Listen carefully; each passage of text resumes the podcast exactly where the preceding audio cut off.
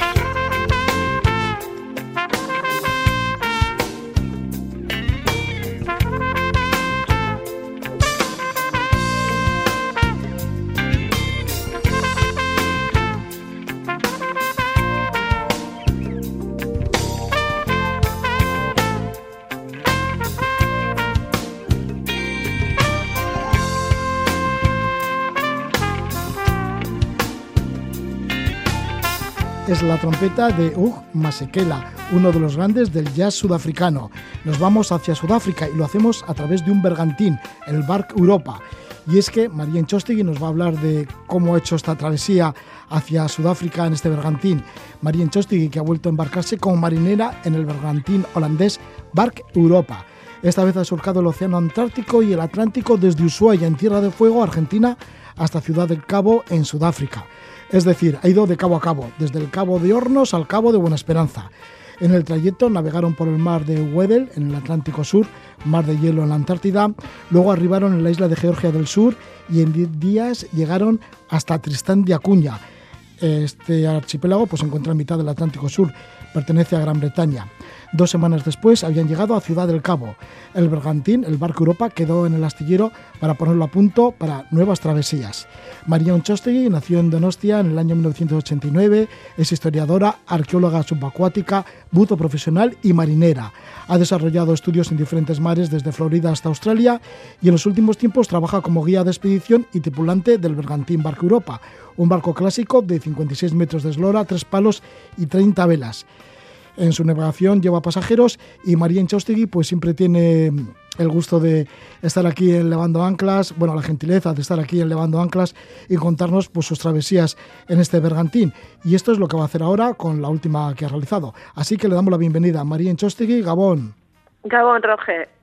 María, bueno, pues una vez más hay como tripulante en el barco Europa, y, pero me gustaría preguntarte, ¿cómo comenzó todo, eh, cómo comenzó todo, no? ¿Cómo te alistaste como tripulante en el barco Europa? Pues eh, fíjate, generalmente eh, es, es, bastante complicado entrar en, en, el barco Europa como tripulante, ¿no? Es, digamos que es un oficio tanto complejo como solicitado, porque implican muchísimas aventuras. Pero en este caso me llamaron ellos a mí. me contactaron porque buscaban, bueno, un guía de expedición fuera de lo que suele ser habitual, que suelen ser biólogos marinos, oceanógrafos, y en este caso dijeron, pues ¿qué tal si probamos alguien que tenga, digamos, un aspecto más histórico, ¿no? Que contar a los pasajeros y que además sea marinero. A ver si encontramos a alguien así. Y estuvieron preguntando por Holanda, porque el barco Europa es holandés. Y resulta que, bueno, dos colegas míos con los que yo he coincidido en congresos le dijeron, mira, igual entre nosotros hay alguien. Pero hay una chica en el País Vasco que creo que cumple de sobra esos requisitos y deberíais contactarla. Entonces, hace ya casi cuatro años me, bueno, me escribieron y yo dije, no puede ser, el Barco Europa, el Barco Europa me está escribiendo. Y nos entrevistamos, nos, nos gustamos y, y a partir de ahí comenzó nuestro idilio vuestro idilio, ¿no? Una primera travesía que os llevó desde Tenerife hasta Montevideo, cruzando, por supuesto, todo el Atlántico. Luego estuviste en las, en las Maldivas, ¿no? Como guía de expedición. Las Malvinas. En las, Malvinas, perdona, perdona, en las que hace frío. Sí, sí, hay en la, en la Antártida casi. Sí, sí, sí. sí, sí, en las disputadas Malvinas. Y luego, bueno, pues has hecho dos Antártidas y de vuelta de Ushuaia y otra, pues, jo, que fue fantástico lo que nos contaste cuando fuisteis desde Ushuaia a Holanda, todo seguido en tiempo de la pandemia, que no podíais parar en ningún puerto. Sí, esa, esa sí que fue, yo siempre digo que esa es la, la, la, primera aventura que he hecho de verdad en mi vida, porque era la única para la que no estábamos nadie preparado y nos tuvimos que comer con patatas, básicamente. Sí, porque claro, como no podíais parar, pues nada, aprovechando el gasol que teníais y bueno, casi todo el rato a vela. Casi todo el rato, de 81 días que dábamos, solamente lo usamos tres días el gasol. Así que bueno. no teníamos mucho tampoco y, y, eso lo usábamos sobre todo para el generador auxiliar que nos procuraba eh, el funcionamiento de los frigoríficos y, y el agua potable y la electricidad para ello, claro. Pero por fin llegasteis a Puerto Seguro, a Holanda. Sí, sí, sí, sí. Y nos saltamos vuestro confinamiento, que eso también, pues bueno, es un punto a favor, ¿no? Sí, sí. Oye, ¿y por qué ese amor a la mar, María? A la mar, a la historia, bueno, pues a los barcos. Pues eh, la verdad es que no lo sé, no tengo ningún pasado legado familiar así específicamente marinero, ¿no? Ni, ni ningún arraigo por ese estilo, pero, pero yo creo que es algo que desde bien pequeñita ahí estaba ahí, he tenido, bueno, la suerte, ¿no?, de, de poder ir perfilando poco a poco mi perfil profesional, pero al final yo siempre he decidido y siempre me han inculcado que si algo te apasiona, vas a acabar poder trabajar, trabajar de ello y trabajar bien, además, que no te falte trabajo, que, que pueda estar bien pagado, que lo disfrutes, porque vas a invertir tanto tiempo en ello que en realidad no te va a parecer no te va a parecer algo tedioso. Y, con la mar ha sucedido así. Siempre, siempre he estado obligada ahí, bien o de manera en superficie, en los barcos, o bien en el fondo del mar buceando y explorando. ¿Qué, sientes? Ya, pues sí, esa pasión que tienes, ¿no? ¿Y qué sientes cuando vas en un bergantín, en un barco clásico de tres palos, de 30 velas, y te encuentras pues ahí en duras condiciones? Porque seguramente que en la última travesía habéis tenido muchas duras condiciones. La climatología seguramente qué cantidad de, días nos ha acompañado. ¿Qué es lo que sientes? Hemos, tenido, joder, la verdad es que hemos tenido bastantes, bastantes bajas presiones una detrás de otra, bastantes pocos, ¿no? Días de sol en una travesía que ha durado en total 52 días. Y, jo, pues, pues, ¿qué voy a sentir? El día número uno de la baja presión con 60 nudos de viento y olas de 6 metros, dices, ¡wow! ¡Qué impresionante! ¡Qué bonito! Aquí en la aventura. El día número 16 igual estás ya un poco harto, la verdad. Entonces, se sienten muchas cosas cuando hace mala mar durante tanto tiempo. ¿Y cómo es esto de ir de cabo a cabo? Desde el Cabo de Hornos, hay más abajo de Tierra de Fuego hasta el Cabo de Buena Esperanza, en Sudáfrica. Pues es, es un viaje que es, es espectacular, porque a una por un lado, los desembarcos y las pequeñas exploraciones que realizamos tanto en la Antártida como en Georgia del Sur, pero luego hay mucha navegación y además una navegación potente, ¿no? De, de pura vela, viendo todo el trapo desplegado, el barco que puede llegar perfectamente a los 10, incluso 11 nudos. Al final estamos casi siempre entre los 50 furiosos un poco y los 40 rugientes, que, que realmente hacen honor a su nombre. Entonces es bueno, es toda una experiencia muy completa que, ¿qué te voy a decir, no? Que, a mí me encanta. ¿Qué es esto de Pero los... es dura, ¿eh? Es dura. Quitando el romanticismo, porque también hay que hablar de la realidad, hay que decir que, es duro. ¿Y qué es esto de los 40 furiosos y los 40 rugientes? Los 40 rugientes es, bueno, el, digamos, el, el bautismo que se le dio hace años a, a esa latitud 40 sur que apenas tiene parte de tierra por tanto hace que el viento gire sobre el globo terráqueo adquiriendo cada vez mayor velocidad, ya que no hay tierra que lo paralice. Luego están los 50 furiosos que tienen todavía menos tierra y todavía por el efecto Coriolis y porque ya en el globo terráqueo abajo se está haciendo más pequeñito, ¿no? La pelota, pues todavía alcanzan más velocidad. Y si ya quieres la fiesta completa es cuando te vas a los 60 bramadores, que, que como dicen los antiguos marinos era algo así como más allá de los 40 rugientes no hay ley, pero más allá de los 50 furiosos no existe ni Dios. Ya, ¿y estuvisteis por allí, por los 60 bramadores? Hemos llegado muy poquitas veces, eh, los hemos llegado a, pasar, por así decir, pero cuando ya estás en, lo que es el continente antártico, estás mucho más protegido. Entonces, aunque los tocamos más por hacer el, simbolismo que otra cosa, ahí, por ejemplo, no, no puedo decirte ninguna experiencia realmente bramadora, ¿no? Así como en, fíjate, en los 40 rugientes sí, o de los peores temporales que yo he llegado a tener ha sido precisamente en casa, en el Golfo de Vizcaya. Pues mira, al lado de casa, o sea que lo para que, veas, para que veas, eso en casita. Bueno, el caso es que cómo fue por el mar de Wedel.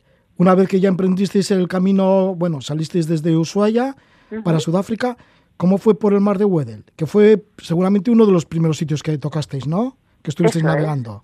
Cuando, cuando salimos de la seguridad del canal de Beagle, saliendo de Ushuaia, pues siempre digamos que esto es, es una introducción muy cortita a la navegación, porque ya a las ocho horas, ¡boom!, nos enfrentamos al, al, temible paso de Drake, que fue bastante bueno.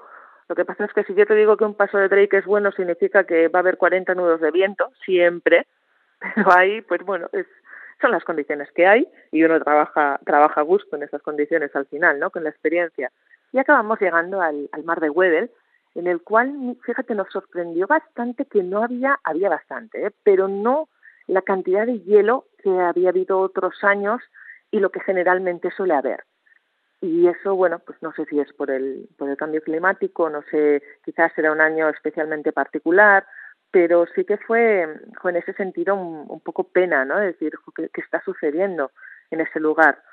Luego, por lo demás, eh, lo que era pues los desembarcos en las pingüineras, en las montañas, los glaciares que cruzamos por ahí, sí se veía que había pues un poco menos de nieve, ¿no? Frío mucho, muchísimo, pero eh, como que mm, se notaba que las cosas están cambiando y, y bueno, y espero que, que, para mejor, pero en realidad creo que van para peor, Roge. Sí, porque el mar de Weddell es como el mar de hielo, ¿no? Se le reconoce así. Claro. Y fíjate, y ahí tuvo la, la aventura Ernest Angleton, ¿no? Que comandó este explorador un navío hacia la Antártida y se quedó hundido ahí en el mar de Weddell en el año 1915. y, así, y ahora ha sido el Endurance, eso es. Y ahora ha sido localizado, ¿no? Sí, sí, sí. Fue curiosamente, pues, pues lo que son las casualidades de la vida. El barco que lo que descubrió, que comandó toda la expedición, el Agulas, un rompehielos sudafricano, estuvo ese mismo momento cuando nosotros estábamos en el mar de Weddell a más o menos unas 350 millas de donde nosotros estábamos y luego más adelante en el viaje, cuando fuimos a Georgia del Sur, nos lo encontramos y encontramos a la tripulación en la tumba de Shackleton, que por cierto fue además el centenario de su muerte. Así que fue como, como todo muy redondo, muy perfecto. Sí, sí, fíjate qué casualidad, ¿no? Que coincidieras con el barco que, que ha descubierto, ¿no? Que ha dado con, con el Endurance. Sí, sí, este la barco verdad es muy bonito. Sí, sí, este barco, eh, Lagulas, y dices que lo, encontrasteis a la tripulación, estuvisteis con, ellos, coincidisteis en la tumba del propio Shackleton, esto en Georgia del Sur. Sí, es ahí donde su mujer decidió, bueno, Shackleton murió ahí, en Georgia del Sur mientras preparaba una siguiente expedición antártica, pero su mujer, bueno, cuando murió, digamos que empezaron a, navegar otra vez de vuelta a Inglaterra para llevar su cuerpo, pero su mujer consiguió hacerles llegar un mensaje diciendo que, que Shackleton y su corazón estaba, estaba en la Antártida, en Georgia del Sur, así que les pedía que lo enterrasen ahí.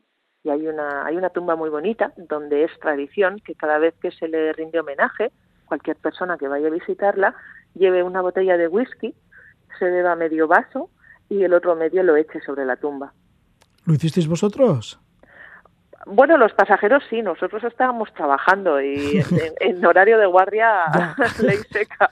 Pero bueno, un poquitín sí que sí que probamos y, hicimos ese honor. Solo, solo dar yo, ¿no? Esos, esos speech y en este caso decidí recuperar uno que, escribió su segundo al mando sobre las bondades y desbondades de un hombre que, si bien, por ejemplo, casi nunca pagó a su tripulación, fíjate, por otro lado, eh, lo dio absolutamente todo y más por salvar a cada uno de ellos.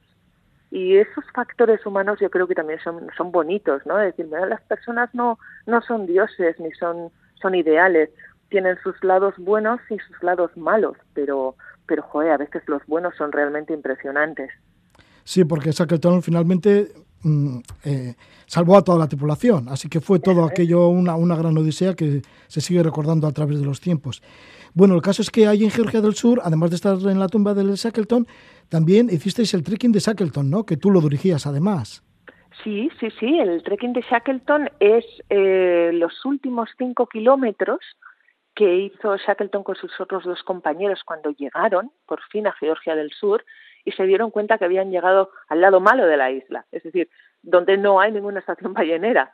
Y tuvieron que cruzar un digamos todo una cordillera de montañas imposibles porque hoy en día ha habido alpinistas que han han recreado ese digamos esa gran hazaña y, están están maravillosos. Dicen esto es imposible que que tres hombres eh, ya de por sí en harapos eh, absolutamente famélicos hubiesen cruzado semejantes montañas en solo tres días. Pero bueno, lo lograron y esos cinco últimos kilómetros entre la Bahía Fortuna, que se llama, cruzar una elevación, en, adentrarse un poco en las montañas, cruzar un pequeño lago helado y luego bajar otra vez a otra bahía donde sí que estaba la estación ballenera Stromness, eso sí se pueden hacer con, con mucha facilidad. Y es lo que es lo que hicimos entre otras cosas porque estuvimos una semana entera por ahí danzando entre pingüinos y focas. Tiene que ser maravilloso no estar en un lugar tan aislado de la tierra en esas latitudes tan al sur en esta isla de Georgia del Sur. es una isla que que es que te deja sin palabras tiene unas montañas escarpadas unos glaciares que kilómetros se, se te va a la vista y eh, bueno, y luego la, la vida que tiene, se reúnen las mayores colonias de pingüinos rey del mundo, de elefantes marinos, de lobos marinos antárticos, es, es, una borrachera para los ojos, como yo digo. ¿Y hay seres humanos por allí? ¿Vive alguien en, la, en esta isla de Georgia del Sur? Bueno, esa isla pertenece a Georgia del Sur y las Sandwiches del Sur son como toda una delegación de los territorios de ultramar británicos y ahí tienes eh, quizás durante el invierno hay un par de científicos y están haciendo alguna investigación científica pertinente. Ya durante la temporada de verano, aquí el invierno, porque estamos en el hemisferio sur, suele haber más científicos, ya que es bastante más agradable y habitable el clima, y suele haber también una delegación, digamos, de oficiales que vigilan por el cumplimiento por todos los barcos turísticos de, una sostenibilidad de un entorno tan frágil y también patrullan las costas porque son aguas muy ricas en pescado y vigilan que los barcos pesqueros que van ahí pues tengan los permisos, eh, no haya piratería, etcétera, etcétera. María, pues una vez que dejasteis la isla de Georgia del Sur, pues allí en la Antártida, ya que fuisteis por las 40 rojientes, dirección hasta Tristán de Acuña, que es un archipiélago de tres islas que se encuentran en mitad del Atlántico Sur. Eso es, decidimos que bueno, que ya que teníamos un largo camino por recorrer, pues vamos a ver la isla más, más, más especial que yo creo que existe en el mundo entero, que es un volcán absolutamente redondo, chiquitín, que se puede ver cuando ya estás muy cerca, y viven, pues yo creo que no llegan a 200 personas ahí, completamente aislados, porque solamente hay un, no hay aeropuerto ni nada, es solamente, al ser un volcán, solamente hay una pequeña ladera donde construyen sus pues 70, 80 casitas, eh, sus cuatro pedazos de tierra donde plantar, sus tres botes donde pescar y cada, creo que cada tres meses o así, hay un barco que zarpa de Ciudad del Cabo rumbo a Argentina que suele pasar por ahí y bueno, pues les suele dejar algo de fruta, algo de chocolate, un poco pues papel higiénico, me imagino, ese tipo de cosas. ¿Tuviste la oportunidad de desembarcar en Tristán de Acuña? Este año, lamentablemente, no, por protocolo COVID. Tristan da Acuña se ha mantenido siempre libre de COVID y han decidido, por si acaso, y a mí me parece muy bien, que, bueno, que se pudiese acercar a la isla, pero, pero no desembarcar y tener contacto con la gente. Piensa que, la media de edad de, de esos habitantes es, es elevada. Entonces, pues claro, si el COVID se instaura ahí, tienen cualquier problema, no, no pueden ir a un hospital. Y, y bueno, pues, pues me parece lógico, la verdad lo bonito que tiene que ser llegar a una ciudad que se llama Edimburgo de los Siete Mares, que es la capital justamente de Tristán de Acuña. Bueno, ciudad o pueblito, ¿no? Porque si solo viven 200 personas... Eso es como, como Oceanuri, más o menos, en Vizcaya. o, es una cosa muy pequeña, muy graciosa, pero fíjate que tienen bar y tienen y tienen buenas cervezas ahí es decir para, para la gente que en este viaje no ha podido venir quizás se animen en un siguiente y, por fin se pueda desembarcar ahí que también depende de los vientos, ojo, porque tienen, ni siquiera tienen puerto, tienen una especie de mini muelle donde puedes ir con un barquito muy pequeño, una Zodiac, y si tienes más de 15 nudos o sopla del norte-noroeste, que es justo donde está ubicado el muelle, tampoco puedes entrar ni salir. Entonces, es, bueno, son unas circunstancias muy, muy particulares de una gente fascinante, pero también muy particular. Es, fíjate, es la isla remota o sea, es la isla habitada más remota del mundo. La segunda es Isla de Pascua, pero la primera es Tristan. Pues también estamos con una marinera fascinante como es María Inchausti, que nos está llevando en un bergantín, el barco Europa, un barco clásico de tres palos, 30 velas, y nos está hablando de la travesía que ha hecho de cabo a cabo, desde Ushuaia en Argentina, pasando por el mar de Wedel, por las 40 rugientes, llegando aquí a Tristán de Acuña, esta isla que es un archipiélago, que son tres islas, solo una habitada, y ahí está Edimburgo de los Siete Mares. Bueno, pues después de esto, ¿ya rumbo directamente hacia Ciudad del Cabo? Sí, luego ya toca, toca pensar en llegar a Ciudad, a Ciudad del Cabo, Sudáfrica. Quedan más o menos dos semanitas todavía de, de navegación a vela. Como vamos a vela, piensa que también los, el plan de viaje que se llama no es el que se suele trazar cuando vas en un barco a motor de bueno consumo de gasoil, tantos nudos, tanto tal, pues de un sitio a otro, es más como si llevases una especie de coche, ¿no? En una autopista marítima. A vela no, a vela te guías por, por los vientos, entonces vas viendo los partes, haces predicciones, tenemos que subir un poquito a ver si cogemos el anticiclón y los vientos portantes, parece que tenemos corriente en contra, Está, por ejemplo, en Ciudad del Cabo la, la famosa corriente de las agulas, que es de, de donde viene el nombre de este rompehielos que encontró el Endurance. Y la corriente de las agulas es de las más potentes del mundo. Nosotros, si llegamos a, si nos llega a cazar esa corriente, podríamos tener en contra nuestra unos cinco o seis nudos. Ese es, eso es una barbaridad, no podríamos hacer nada. Iríamos, iríamos marcha atrás, de vuelta a Ushuaia, imagínate. Entonces hay que planificarlo todo con, bueno, calma, conocimiento, eh, siempre alternando, ¿no? Las rutas en función de los partes.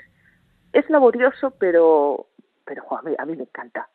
Sí, porque además el bergantín se, mm, navega bien, se portó bien. Era impresionante, sí, es, es un casco de acero, 30 velas, es feliz y contento con 20, 25 nudos, está, está hecho para esos mares.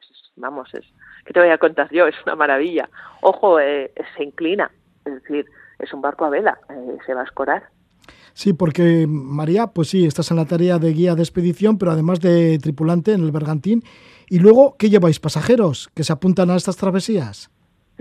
Sí, en efecto, nuestra digamos, nuestro motivo para navegar es llevar a pasajeros a que descubran, por un lado, las maravillas de, unas zonas eh, de manera sostenible, de manera tradicional. No solamente reciclamos absolutamente todo, sino que intentamos ir a vela, intentamos promulgar una especie de turismo no invasivo y sostenible para que la gente pueda llegar cada vez más lejos a hacer todo tipo de aventuras, pero respetando el lugar en el que estás y bueno, creemos en esa filosofía, eh, por ello mismo pues nos va muy bien.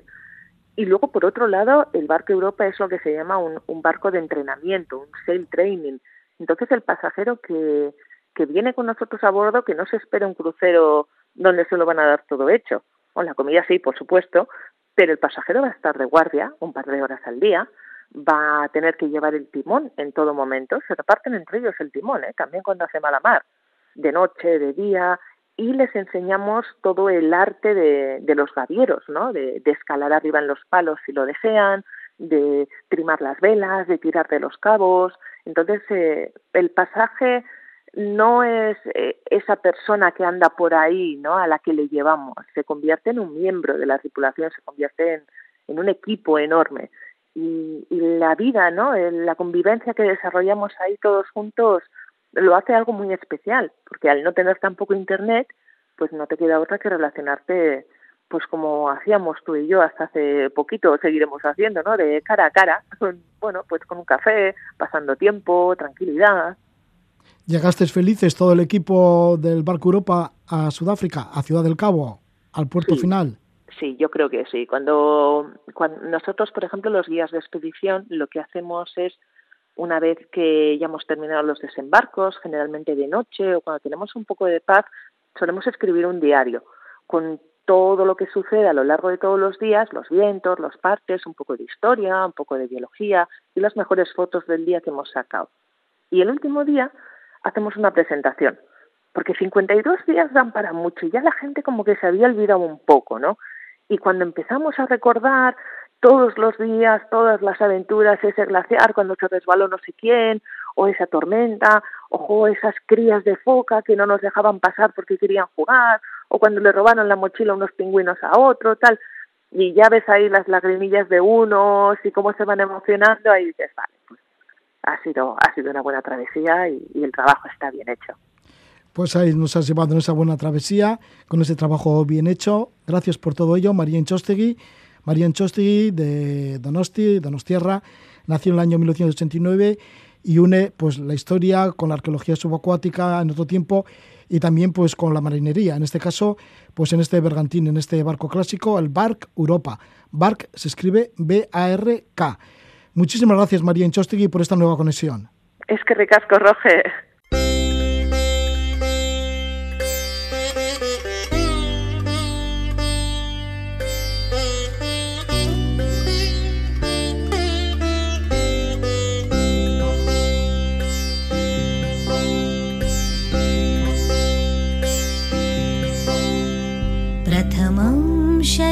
Shailputri च द्वितीयं ब्रह्मचारिणी तृतीयं चन्द्रघण्टेति कूष्माण्डेति चतुर्थकम् प्रथमं शैलपुत्री च द्वितीयं ब्रह्मचारिणी तृतीयं चन्द्रघण्टेति कूष्माण्डेति चतुर्थकम्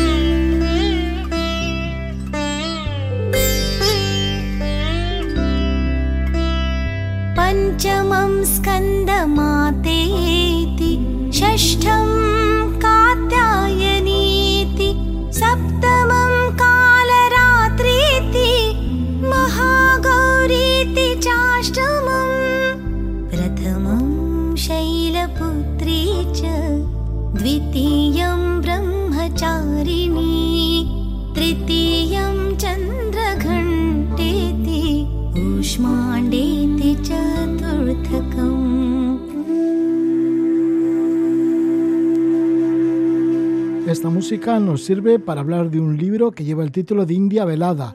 Es un grueso volumen, elegantemente editado, hecho con cariño y con gusto. Su autor es Joaquín Seguí, que nació en Palma.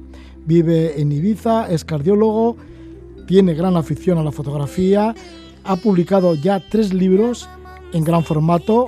Uno es Escenas Etíopes, el segundo Color Cubano, del cual ya hablamos en este programa, y también India Velada, que es el cual el último y del cual vamos a hablar ahora. Es su última obra, es un tributo a la mujer de la India, la mujer que está en segundo plano y siempre socialmente discriminada en India. De hecho, la India encabeza la lista de países más peligrosos para las mujeres en el mundo. Junto a las imágenes de India velada se han seleccionado poemas y textos narrativos de, diversos, de diversas poetas. Joaquín Seguí, desde el año 1978, pues ha visitado India en siete ocasiones y ha tenido la oportunidad de viajar libremente a lo largo y ancho de este extenso país. Ha estado observando a sus gentes, sus ritos, su vida cotidiana, sus fiestas, sus costumbres. De ello hablamos con Joaquín Seguí. Buenas noches, Joaquín. Hola, ¿qué tal? ¿Cómo estás, Roger? Joaquín, pues sí, ya tu tercer libro, libro de gran formato cada uno de ellos, y es que has elegido lugares que son como muy vistosos, ¿no? Para la fotografía, como Etiopía, Cuba y esta vez India. Bueno, la verdad es que he viajado, he tenido tiempo de viajar eh, por mis años, ¿no? En muchos países y bueno, he parado un poco más en, en algunos que me han llamado muchísimo más la atención, que ha sido Etiopía, que he estado en muchas ocasiones, en Cuba igualmente, que siempre ha sido pues lo, hemos tenido presente en nuestra generación por, por la revolución, por toda las, eh, la historia que está vinculada tan tan tan íntimamente con España, con, con las regiones españolas y India pues desde un principio, desde desde mi juventud, desde los 25, 26 años, pues que hice la primera visita a India, pues eh, he, seguido visitando y poniendo atención a este país, a este inmenso país, ¿no? Y bueno, pues las cosas como, como van, por, como, como el agua por el río, ¿no? Una vez pues eh, sus afluentes se unen y ha confluido en un libro, pues como tú has dicho bien, pues es un pequeño tributo a la mujer india, que es la pues eh, el sexo digamos en, en India más discriminado, ¿no? Por, por la cultura, una cultura patriarcal, una cultura eminentemente muy religiosa y condicionada a la mujer siempre secundaria a, la voluntad del hombre. Y esto ya lo notaste en tus primeros viajes, ¿no? Porque allá por enero de 1980, como señalas en tu libro, te fuiste a viajar a Bombay con el objetivo de repatriar a una amiga, a una joven enfermera valenciana de origen vasco, de la cual se desconocía su paradero. Se sabía que había ido a la India, pero no había retornado. ¿Cómo la encontrasteis? Bueno, realmente eh, habíamos salido a la India juntos. Éramos tres y eran dos mujeres y yo, ¿no? Y entonces nos volvimos dos y una se perdió, digamos, ¿no? Entonces la, historia, pues eh, la he recuperado un poco de mi. Siempre la he tenido muy presente, siempre me la han recordado además, porque era una mujer conocida allí en, en, en el hospital y en el ambiente valenciano y entonces pues eh, al cabo de, de, meses de no aparecer de no saber que había retornado pues recibimos un, un telegrama no eh, llamativo, ¿no? De, que estaba ingresado en un manicomio y que, bueno, pues en condiciones muy paupérrimas, ¿no? Y bueno, fuimos, tuve que ir yo por, por, por bueno, por, por, porque no, no, no salió otra persona, digamos, para, en, en aquel momento para recuperar o para repatriar a la mujer y a mi compañera, ¿no? Y fui, fui a, y entonces la encontré, pues, una situación, pues, por ahí pues empieza un poco la historia del libro como pequeño tributo a la mujer india, porque es la mujer en general, evidentemente, la mujer era extranjera, pero bueno, sufrió eh, una agresión de todo tipo, ¿no? Violenta, física, sexual, y, y, bueno, pues yo la recuperé en unas condiciones eh, muy, muy terribles, ¿no? Y entonces eh, allí empieza un poco la literatura de, de mi sinopsis de lo que es el libro, ¿no? Porque eh, las mujeres en India, como bien sabes, pues el país que tú has mencionado, el país más peligroso para las mujeres eh, en el mundo, ¿no? Como otras cosas, lamentablemente, unas, unas buenas y otras malas para un gran país como es de un país de 1.200 o 1.300 millones de habitantes, indudablemente. Sí, a tu compañera con la, que con la cual fuiste en tu primer viaje a India en 1978, que luego la recuperaste el año 1980 porque sí que la encontraste la encontraste en ese manicomio y además estaba en una celda jaula. Sí, bueno, el recuerdo que tengo yo es de llegar allí con una, una gente que me ayudó, que eran unos jesuitas eh, de, la institución que se llama Bombay, ¿no? Y bueno, fuimos allí para, para sacarla con unos papeles, en fin, notariales, ¿no? En que yo tenía poderes para, para sacarle, para repatriarla. Y entonces, bueno, estamos hablando del 70 y del del 80, ¿no? Realmente, ¿no? Del 80, porque fue mi segundo, segundo viaje en India.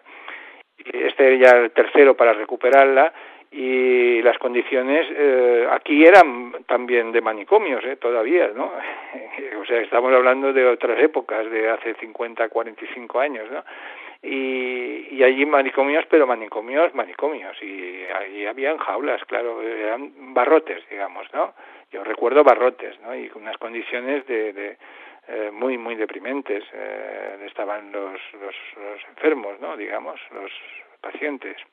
Hoy en día bueno, pues aquello fue eh, un recuerdo, una anécdota, una anécdota terrible, ¿no? Pero que eh, he concatenado un poco, después de tener todos esos elementos y de tener mucha fotografía y tal, con, con la situación de la mujer en India, ¿no? Y entonces lo explico aquí en el libro, en la introducción, y bueno, pues eh, he recurrido también a la ayuda o a la colaboración de, de mujeres poetas, todas implicadas dentro del mundo así eh, feminista, digamos, por, porque, bueno, también aquí la mujer eh, está en un segundo plano y en el tema literario pues también hay una controversia, ¿no?, de si la mujer eh, tiene, tiene más, más aportación de lo que de lo que realmente pues se ve en el, en el mercado editorial ¿no? y entonces esas mujeres están están reunidas en torno a una asociación de mujeres de mujeres poetas genealogías y bueno, mm, se prestaron a colaborar, no, no, sabían en qué grado y tal, pero al final ha sido una aportación muy buena de, por parte de 26 poetas, entre ellas pues también mujeres de India, de Afganistán y de, de, la, de la zona, digamos, catalana de, España, ¿no? Y ha surgido un libro que es un diálogo entre imágenes, eh, fotografías y eh, poesía, ¿no? Y textos literarios que yo recupero siempre en los libros, procuro poner textos literarios que asientan un poco la fotografía o la imagen en, en el contexto social, ¿no? que es, por ejemplo, en este caso, la India. Y entonces, pues utilizo textos también de Vikram Seth, en este caso, eh, en fin, de Fahmida Riaz, que es una poeta, y de Amrita Pritam también, ¿no? Y bueno, pues consolido pues una un, un libro que, que, bueno, pues que yo creo que está muy bien editado por, por, por Brizolis, que es una, una, empresa de artes gráficas muy potente y que hace las cosas muy bien y claro que, que ayuda mucho. La impresión y la edición y el diseño ayuda mucho a la fotografía y a la poesía. Sí, con fotografías que van desde ese primer viaje del año 1978 hasta el último al publicar el libro en el año 2020 un país que sí, que lo has trabajado muchísimo, ¿no? En, en, cuanto a fotografía y también en cuanto a moverte por los lugares. Hay bastantes fotografías de, ferrocarril, de ir en tren. Sí, bueno, el tren es una es eh, el eje principal de la comunicación en India, ¿no? Y, y la verdad es que yo quedé, quedé prendado ya de muy joven con el tren porque te lleva en todos sitios, es fácil, es un sitio que, bueno, pues que convives con con todo tipo de de graduación social, que en la India ya sabes que hay muchas diferencias de clases sociales, ¿no? En las estaciones y, bueno, hay, hay realmente es una fuente de, de, de, inspiración para todo. Y de hecho tengo bastantes fotografías, en el libro pongo algunas de ellas, ¿no? De trenes y de, de estaciones, porque bueno, son, son incluso, vamos, una, una forma de, de, de, de, implicar un poco el, contexto en lo que es la fotografía también, ¿no? Porque al mismo tiempo que, que tratar a la mujer o la, la fotografía de la mujer que es preponderante en el libro, pues eh, el libro eh, es de la mujer, pero está en un contexto, en un contexto social, económico, en un contexto de, de hombres y, y ahí está también, pues, eh, el que el libro esté este, dividido en tres, en tres episodios, tres relatos grandes, en tres eh, partes, ¿no? El primer episodio es de escenas indias, que, que, yo titulo Viaje a la Eternidad porque le doy preponderancia al rito, ¿no? Al rito al Ganges y, y al Ajabat, que ahora pre precisamente pues están en, en, en, el Kumbamela. El Kumbamela es un es, es una de las festividades más grandes que hay en India, ¿no? Es una eh, en el marco del hinduismo es una reunión que se hace cada 12 años, pero cada, cada, cada año se hace un mini Kumbamela, o sea, cada cuatro años un mini mini, y, y bueno, pues ahora mismo yo iba a ir a este, en Aripar, pero claro, las condiciones no lo permiten. Y entonces es sobre, sobre, sobre el río, por ejemplo, es otro de los aspectos importantes, el tren, el río, el río es otro, otro aporte para, para, para vincular los, los diferentes eh, eh, sitios de India, ¿no? Y, por medio del ritual, porque eh, el, río sagrado, el Yamuna, el, Yamuna que pasa por Delhi, eh, el, Ganges, que también pues es, es, otro río sagrado, ¿no? Ríos, eh, bueno, pues eh, paradójicamente están muy sucios, muy contaminados, ¿no? Es uno de los grandes problemas de la India. Pero bueno, que en el, en el hecho de que la, la gente, las mujeres, los hombres, pues van al río en sus rituales de abluciones, de limpieza, incluso de, de beber agua sagrada del río. Y bueno, pues esta es una de las partes, viaje a la eternidad del, del libro, ¿eh?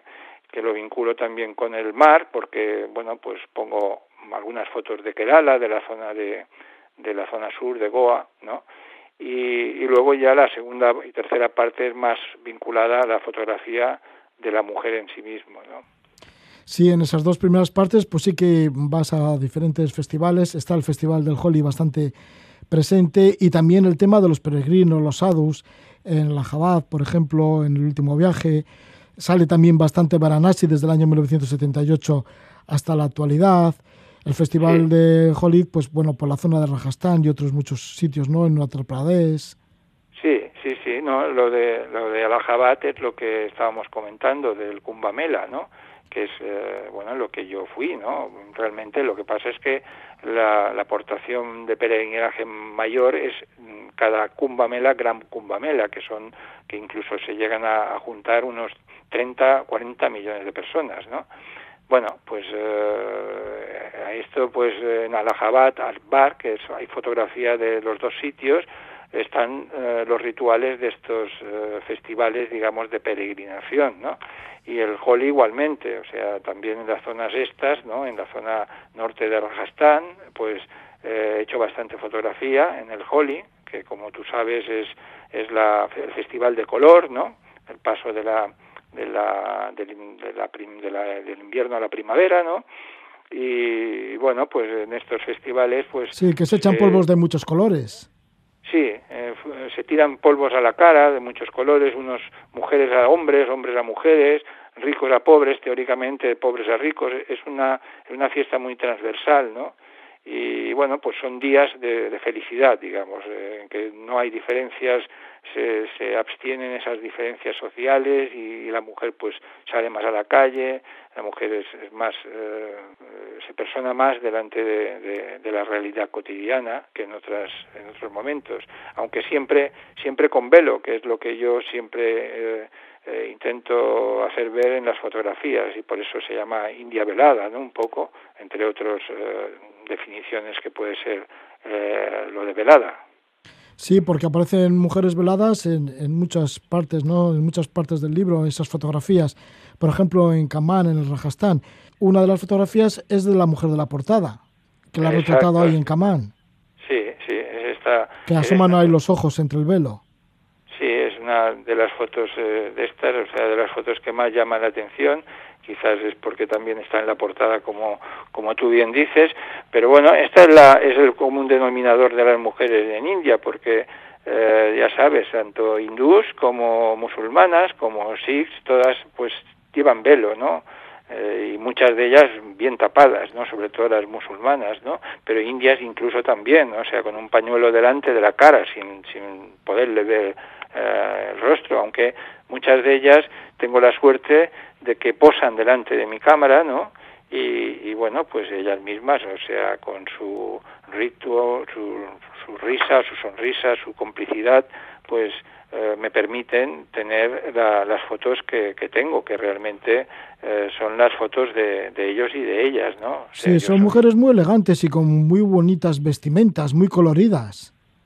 Sí, exacto. Parecen sea, todas princesas todas princesas, si te miras un poquito la foto y amplías un poquito el ojímetro, pues, pues realmente, pues con, con cosas muy, muy simples hacen la belleza, ¿no? O sea, es un poco, yo lo vinculo un poquito con esas fotografías que hice en Etiopía, de África, ¿no? De, del Valle del Lomo, en que, en que un alfiler puede un alfiler pillado a una extranjera que a lo mejor ha pasado por allí o dos o tres alfileres pues eh, hacen una joya. Eh, ellos se lo ponen de, alguna forma en algún sitio y hacen una joya y es lo mismo en este sentido no o sea son eh, son tejidos que se les ve que son tejidos eh, muy muy muy simples muy poco ostentosos pero con un colorido y, y una pose que, que, que, realmente es lo que tú dices parecen princesas todas no y ahí está no Joaquín ¿y cómo has podido sacar estos retratos?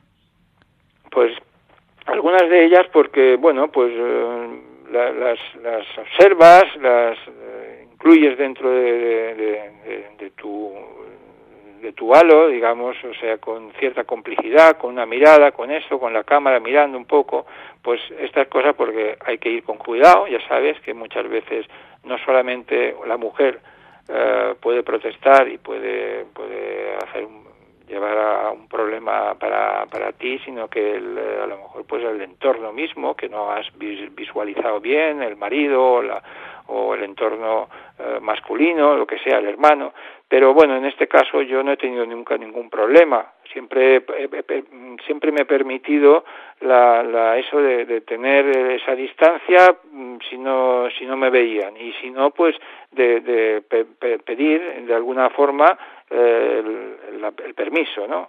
y de solicitar un poco el permiso. Con sí, seguramente que estarían, la cámara. Claro, y seguro que estarían contentas, ¿no? De mostrarse así tan, con esos trajes tan bonitos. Exacto, exacto. Muchas de ellas eh, realmente eh, son como las africanas. Muchas veces te hacen un pose de aquí y de allá, de, derecha a izquierda, y te quedas maravillado, ¿no? De, de, lo que de lo que te ofrecen, ¿no? De la generosidad que tienen en este momento, ¿no? Y porque no saben exactamente para qué servirá, a lo mejor esta foto ni se lo plantean, ¿no? Pero bueno, mira, yo la verdad es que estoy muy agradecido a la a la mujer en, en, este sentido, al retrato que he podido conseguir de estas mujeres, ¿no? Al fin y al cabo, pues eh, su obra es, está ahí, ¿no? ¿no? Yo tengo muy poco, yo soy un poco como eh, el mensajero, digamos, ¿no? Sí, también has estado en el Templo de Oro, en Arisat, en el Punjab, en la zona de los Sikhs, de la religión Sikhs. Sí, claro, porque quería ver esto, el contraste de una religión con otra, de la mujer en un sitio en otro, ¿no? Y, tenía muchas ganas también, pues, de, eh, ¿sabes? Aquella, la historia de, la represión que tuvo la, la, religión Sikh y todo esto precisamente en el Golden Temple, que en el Templo Dorado, que se ve, el Templo Dorado de los Sikh, que se ve en las fotografías, y bueno, pues eh, en el último viaje, eh, en el, fue en el febrero de 2020, pues eh, estuve en Amristar y la verdad es que es un sitio precioso para, para esto, para, para ver el día a día de los Sikhs y todo esto. La, la, verdad está muy polucionado, como toda la India, pero bueno, en Delhi también. O sea, realmente yo me acuerdo de, llevábamos mascarilla en este sitio, en Amristar, en el Punjab, llevábamos mascarilla, pero por, por, por, la, por la polución que hay dicen que eh, respirar aquella polución, esa polución que hay en Delhi y en Amritsar, eh, que ya te digo, toses, toses todo el día, ¿no? Si no llevas mascarilla, es casi casi como fumarte un paquete de tabaco diario, ¿eh? O dos. Bueno, yo he leído hasta 50 cigarrillos diarios, no sé si es una exageración. Estamos con Joaquín Seguí, que nos está hablando de su libro La India Velada. Es un libro de gran formato, tributo a la mujer en la India. Joaquín, y eso, quiere reivindicar un poco a la mujer de la India y los peligros que corre esta mujer, debido pues, a una sociedad patriarcal y también a las religiones, que parece que no le dejan mucho resquicio a estas mujeres. Abro, abro el, libro en una tercera cuarta página ¿eh? con, con, los tres referentes de, de las religiones, ¿no? en cuanto al, al enfoque que se le da en las diferentes religiones a la mujer y en, en, tres de ellas que son el código de Manu para, para, para lo que es hindú, ¿no? Eh, dice durante su infancia una mujer debe depender de su padre, durante su juventud de su marido, de sus hijos, eh, bueno, etcétera, ¿no? Una mujer nunca debe gobernarse a su antojo. Eso es el, el, el, código de Manu hindú, pero es que el Corán, el Corán en, en, hace tres cuartas partes de lo mismo Los hombres tienen autoridad sobre las mujeres en virtud de la preferencia que ha dado a unos más que a otros y a los bienes que gastan, etcétera. Eh, amonestad a aquellas a quienes temáis que se rebelen, dejadlas solas en el lecho, pegadles. Alá es excelso grande. El Corán, Surán 3, 34. Y, y en Génesis buscarás con ardor a tu marido que te dominará, dijo Yahvé a la mujer. Bueno, son referencias, indudablemente la, la, religión ha evolucionado y estamos en unos tiempos, pero ahí está la semilla, la semilla del diablo, ¿no? En cuanto a, a la a, la función de la mujer. Claro que esto en las, en las grandes ciudades a lo mejor pues es más reivindicativo el tema del feminismo. Joaquín Seguí, que está preocupado por la mujer en India y su libertad, su falta de libertad, ya que encabeza la lista de países más peligrosos para las mujeres. Hay una violencia sobre ellas y esto ha querido desvelarlo con textos de poetas y también con sus fotografías en este libro de gran formato que lleva el título de India Velada. Muchas gracias por esta conexión que hacemos con Ibiza, Joaquín Seguí, y gracias por habernos hablado de India, de las mujeres de India y este libro, India Velada. Gracias, gracias Roger, gracias para siempre.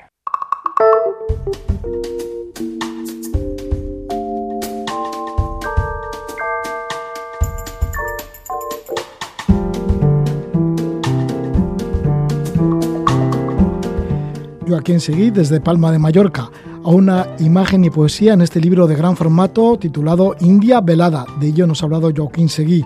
Mira, por cierto, la música que estamos escuchando es el pianista también mallorquín Marco Mezquida. Pero ahora, para finalizar el programa, vamos a escuchar la música de Laila Macala, chelista y cantante. Profesional de música clásica, también de música folk en Estados Unidos, formó parte de un trío de folk muy bueno que se llama Carolina Chocolate Drops. Ella vive en Nueva York, de familia de migrantes haitianos. Así que con la música de Leila Macala nos despedimos. Que disfrutéis de la semana. Hasta la próxima aventura. Dulces sueños.